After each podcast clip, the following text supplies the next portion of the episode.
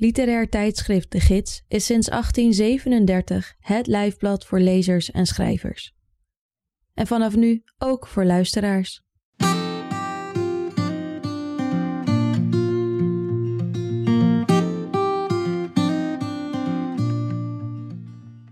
Je luistert naar Sprekende Letteren, een podcast van literair tijdschrift De Gids. Met in elke aflevering een verhaal, essay of poëzie voorgelezen door de schrijver of dichter zelf.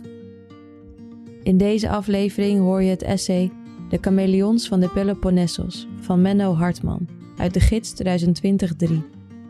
Weggaan uit de benauwenis van je eigen land en reizen, niet om te zeuren over ongemak, maar om je te verdiepen in de plek waar je belandt. Het was de benijdenswaardige levenshouding van de Engelse schrijver Patrick Lee Fermor. Valt het geheim ervan te achterhalen in zijn huis op de Peloponnesos? Luister mee naar Menno Hartman.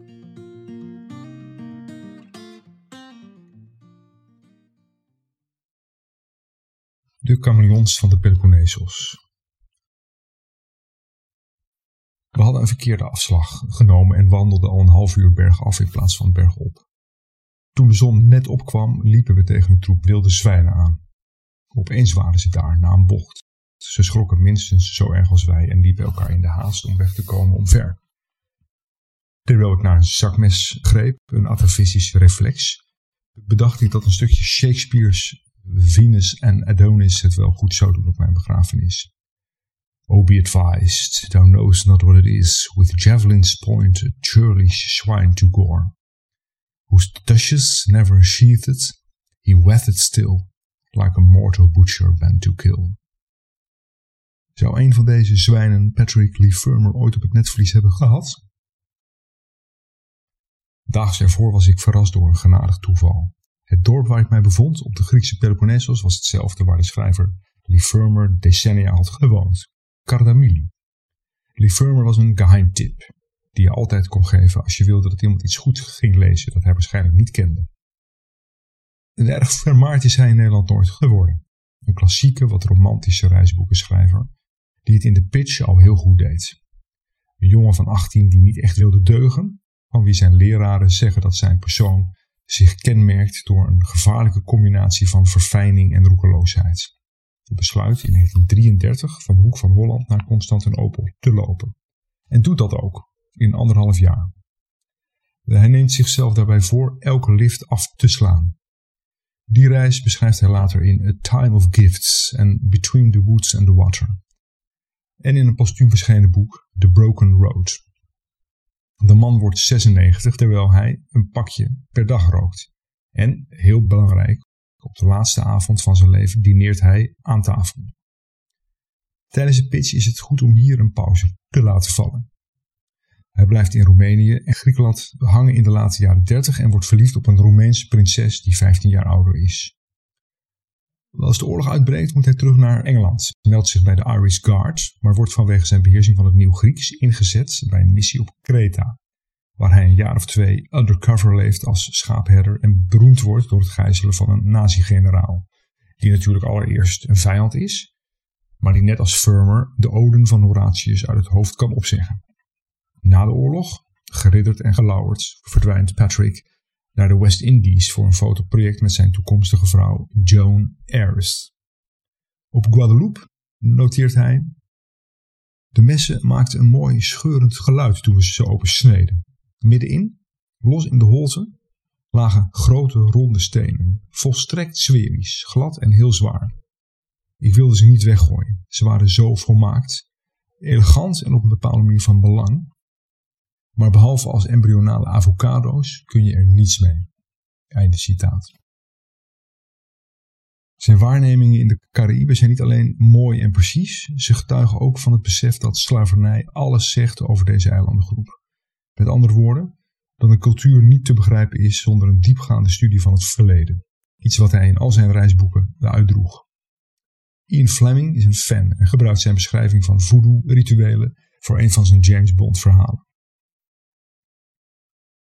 In de jaren 60 komt Paddy, zoals zijn vrienden hem noemen, min of meer tot rust in het schiereiland Mani, Griekenland, in het kustdorp Kardamili, daar waar ik tegen mijn zwijnen aanloop.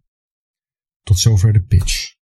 Niet verwonderlijk dat ik begeesterd raak als ik zie dat dit het dorp is en dat hier het huis moet zijn. Een graadje verder in mijn fanmood raak ik wanneer ik lees dat Bruce Chatwin in een belendend dorp zijn as heeft laten verstrooien bij een Byzantijns kerkje. Dat deze omgeving voor Chatwin iets bijzonders betekende wist ik niet. Maar ook voor Chatwin heb ik al jaren een pitch klaar. Wat zegt de omgeving?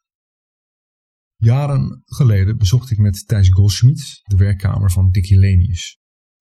Hellenius was al decennia daarvoor overleden, maar Goldschmidt had een fascinatie voor deze vreemde dichter, essayist, muzikant, bioloog en ik deelde die met hem. We brachten zijn weduwe een paar exemplaren van het boekje Ademgaten, Denken over dieren. Stukken van Hellenius, gekozen en ingeleid door Goldschmidt. In het voorwoord schrijft hij een student die eind jaren 70 van de vorige eeuw in het Franse Ambleteuse een stageonderwerp deed, bracht tijdens een van Hellenius' werkbezoeken aan dit moerasgebied verslag uit over de poolsnip die hij pas nog had gezien. Ze trokken er samen op uit terwijl ze kikkers determineerden, planten keken en als gastronomen de smaak van verschillende bladeren proefden. Letten ze intussen goed op of de poolsnip nog ergens opdook. De poolsnip was dat de snip die in zigzag vlucht aan zijn belagers ontsnapte? Of was dat nou juist de houtsnip? Al had Hellenius de polsnip nooit eerder gezien, hij had wel paraat dat er iets kenmerkends was aan het vluchten van snippen.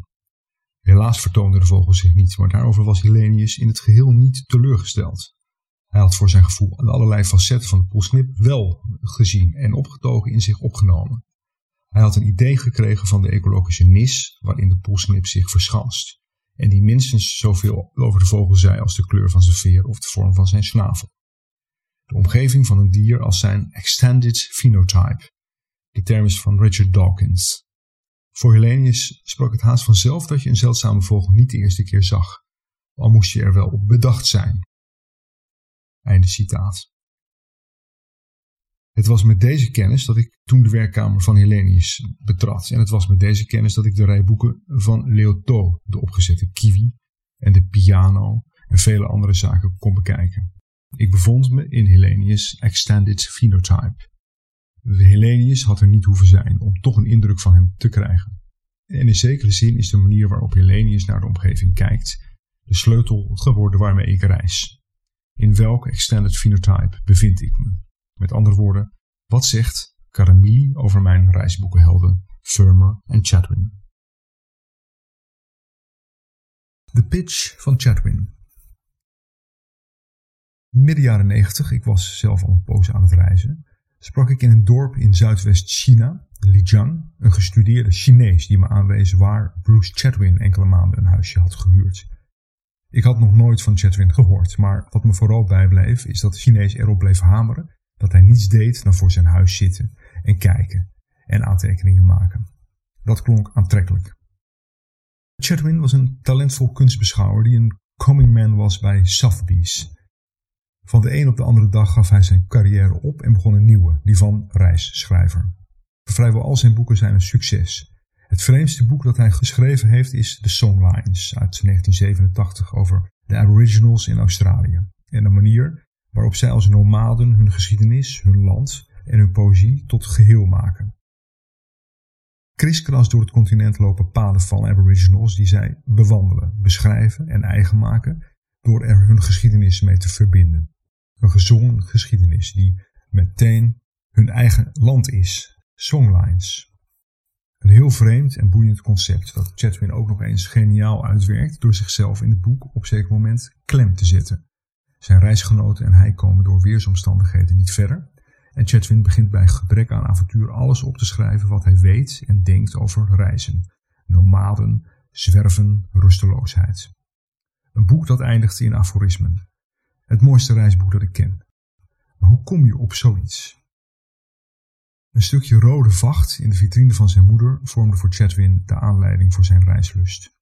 Hoe kwam dat vermoedelijk duizenden jaren geleden in een grot in Patagonië achtergebleven reuze luipaardvachtje in hun bezit? Voor Firmer was het de combinatie van mislukt te zijn op school en het sterke gevoel dat alles wat waarde had uit het buitenland leek te komen, die de aanzet vormde van een leven dat vooral over reizen zou gaan. Ze deelden ook een ongemakkelijk gevoel bij het standsbewustzijn in hun vaderland. Weg moesten ze.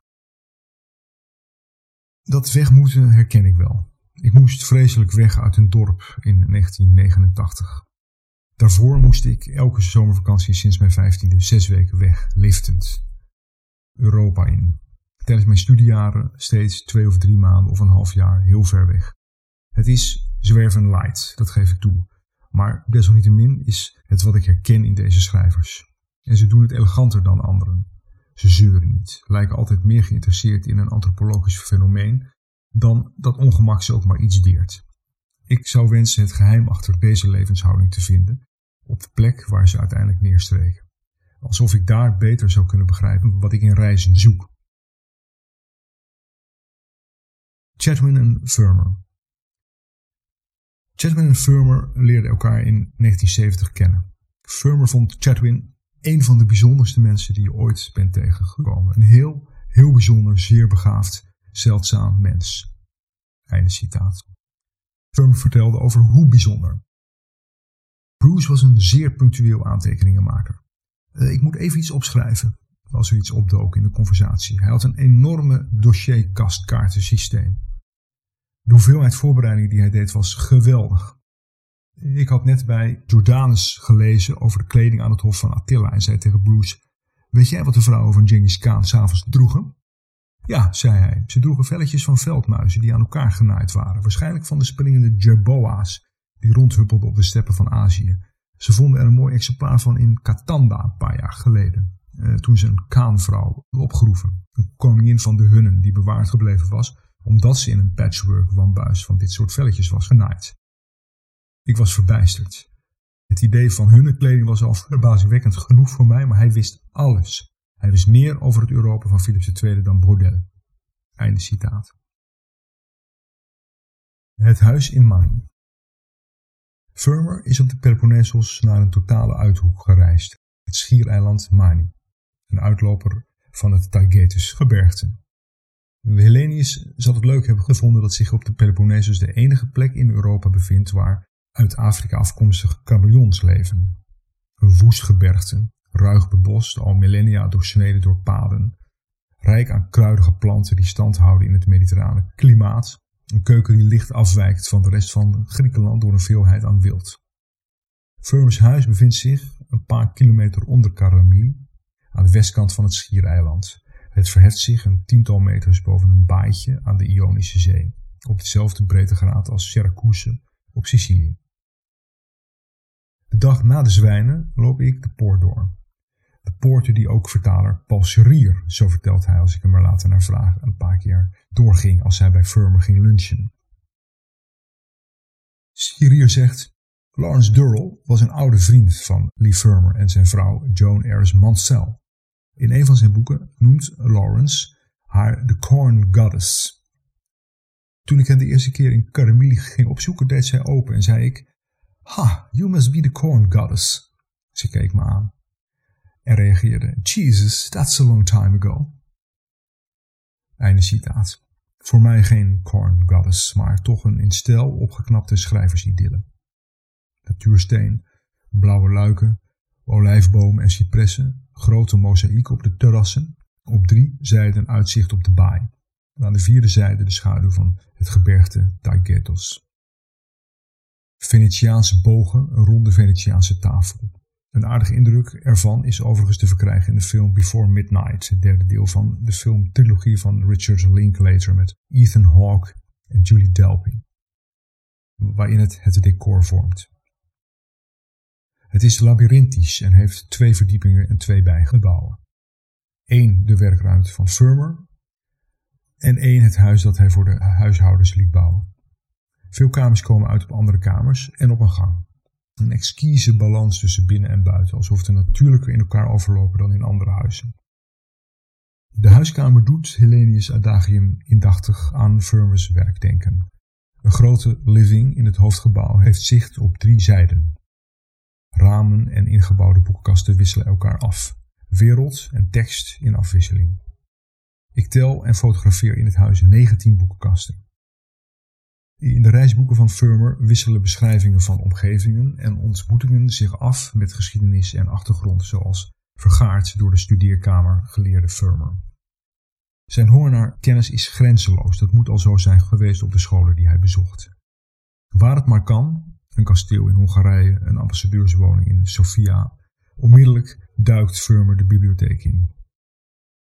Citaat.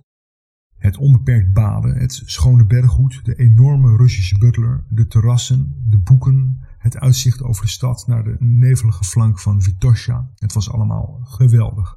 Maar het beste was de, de Encyclopedia Britannica. Ik sprong er als een panter bovenop. Einde citaat. Het huis is na Vermes dood in 2011 per legaat aan het Atheense Benaki Museum nagelaten. Het kinderloze echtpaar voelde de noodzaak het aan Griekenland te schenken. Na een intensieve verbouwing is het sinds vorig jaar open voor publiek. Er zullen schrijvers verblijven en als je nog geen schrijver was, zou je dat na bezichtiging van dit huis onmiddellijk willen worden. We dwalen een uur of twee door het huis. Ik zie slangen in de tuin en vogels, nissen en pergola's, haarden en vensters, mozaïeken en stukwerk, goten en pompen, zee en berg, een veelheid aan boomsoorten. Boven een bed in een slaapkamer een enorme kaart van Kreta, zeer gedetailleerd. Het zal zijn herinnering aan zijn verleden zijn geweest. Hij liep er immers ongeveer twee jaar met een kudde en een illegale radio rond. Aan de muren foto's van Joan. Er zijn mooie fotoboeken van haar verschenen. Ze werd een heel begaafde fotograaf. Op een of andere firmer in de jaren 50 schat ik. Voor eeuwig gevangen tijdens een dansje op een trap. Volksdansen en liedjes lagen hem goed. Een vriend kwam een keer terug van een avondwandeling toen hij een menigte dorpelingen en kinderen naast het huis zag zitten in stilte. Ze luisterden terwijl Firmer binnen Griekse volksliedjes zong. Waarom Griekenland? We hebben dus twee reizende geleerden van Britse kom af, met een zekere behoefte zich aan het klassenstelsel te onttrekken, gedreven reizigers en begaafde schrijvers. Maar waarom Griekenland? Byron reisde door Griekenland, Oscar Wilde, Henry Miller, Lawrence en Gerald Durrell woonden met hun familie op Corfu.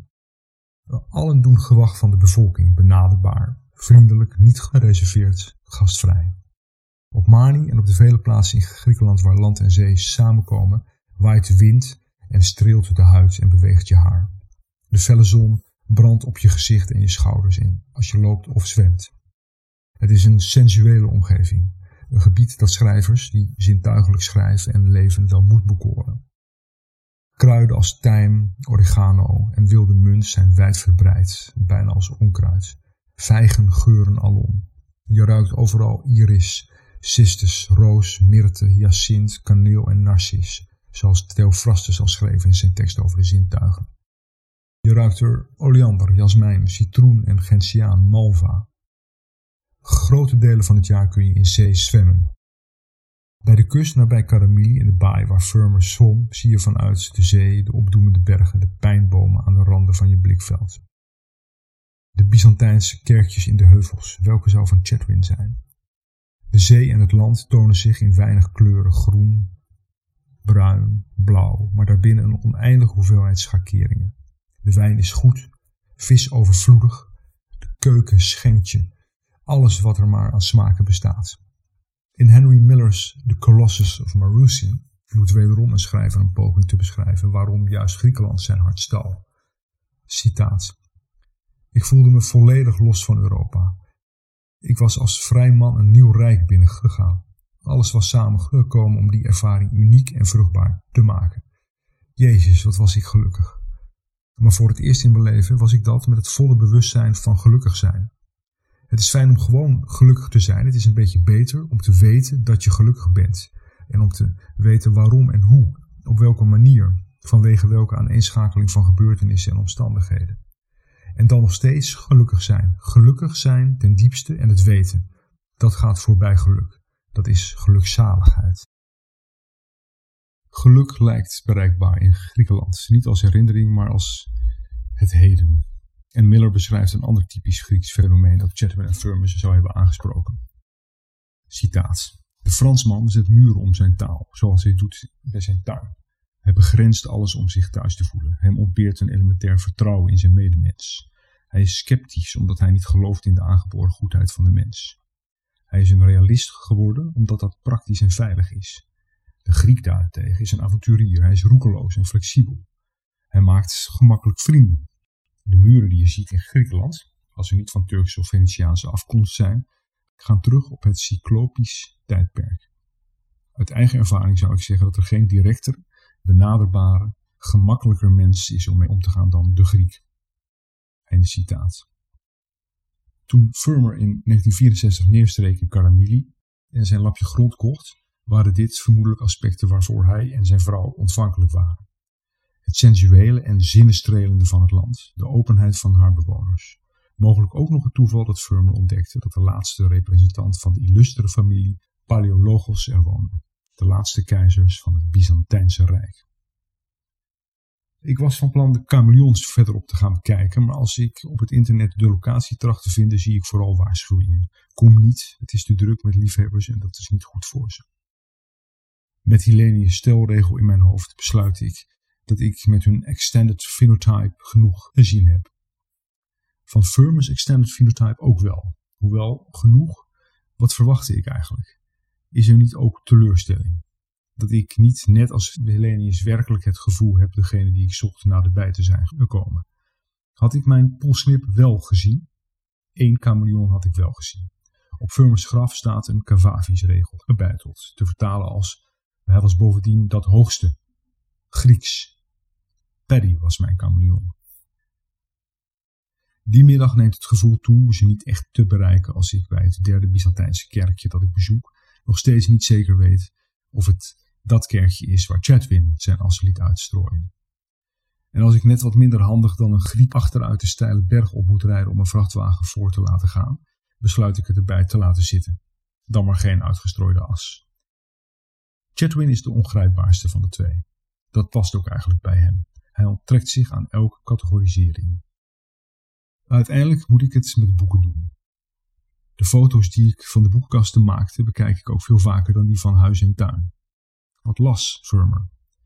Zie je dat in andere schrijvershuizen? Niet in de toren van Hulderlin, die ik als 16-jarige bezocht, op ook zo'n pelgrimstocht. Niet in de kasten van Roland Holst in zijn huis aan de Nesdijk in Bergen. Daarin staan vooral de boeken van zijn laatste vriendin. Paddy's kasten evenwel. Beyond Olympus van Chris Yeginis. Alan Ogden, Winds of Sorrow, Travels in and Around Transylvania. Charles Lister, Between Two Seas. Boekenkast na boekenkast met voor mij onbekende werken. Naast de hang naar zwerven trekt me in Furman Chatwin dat studieuze. Blijven studeren was het enige wat overbleef toen het zwerven gedaan was. Firmer woonde uiteindelijk het grootste deel van zijn leven in een naar zijn wensen ontworpen huis aan zee. Met zijn vrouw en de mensen uit de buurt als vaste bakens in zijn bestaan. Geen chameleons, geen as. Geen echt begrip van waarom Firmer juist hier moest wonen. Maar een sterrenstelsel aan nieuwe werelden in zijn boekenkasten. Had hij net als ik het verlangen om elders te zijn? Als ik te lang de gastvrijheid van de dame die me het huis toont op de proef heb gesteld, loop ik door de poort naar buiten. Op het pad langs een olijfgaard pak ik een kleine, ronde, grijze steen op. Volmaakt, elegant en op een bepaalde manier belangrijk. Met witte lijnen, een dagelijkse herinnering aan precisie, tijd, voortgang, deze schrijvers, deze plek. Ik weet niet waar ik de steen mee naartoe neem.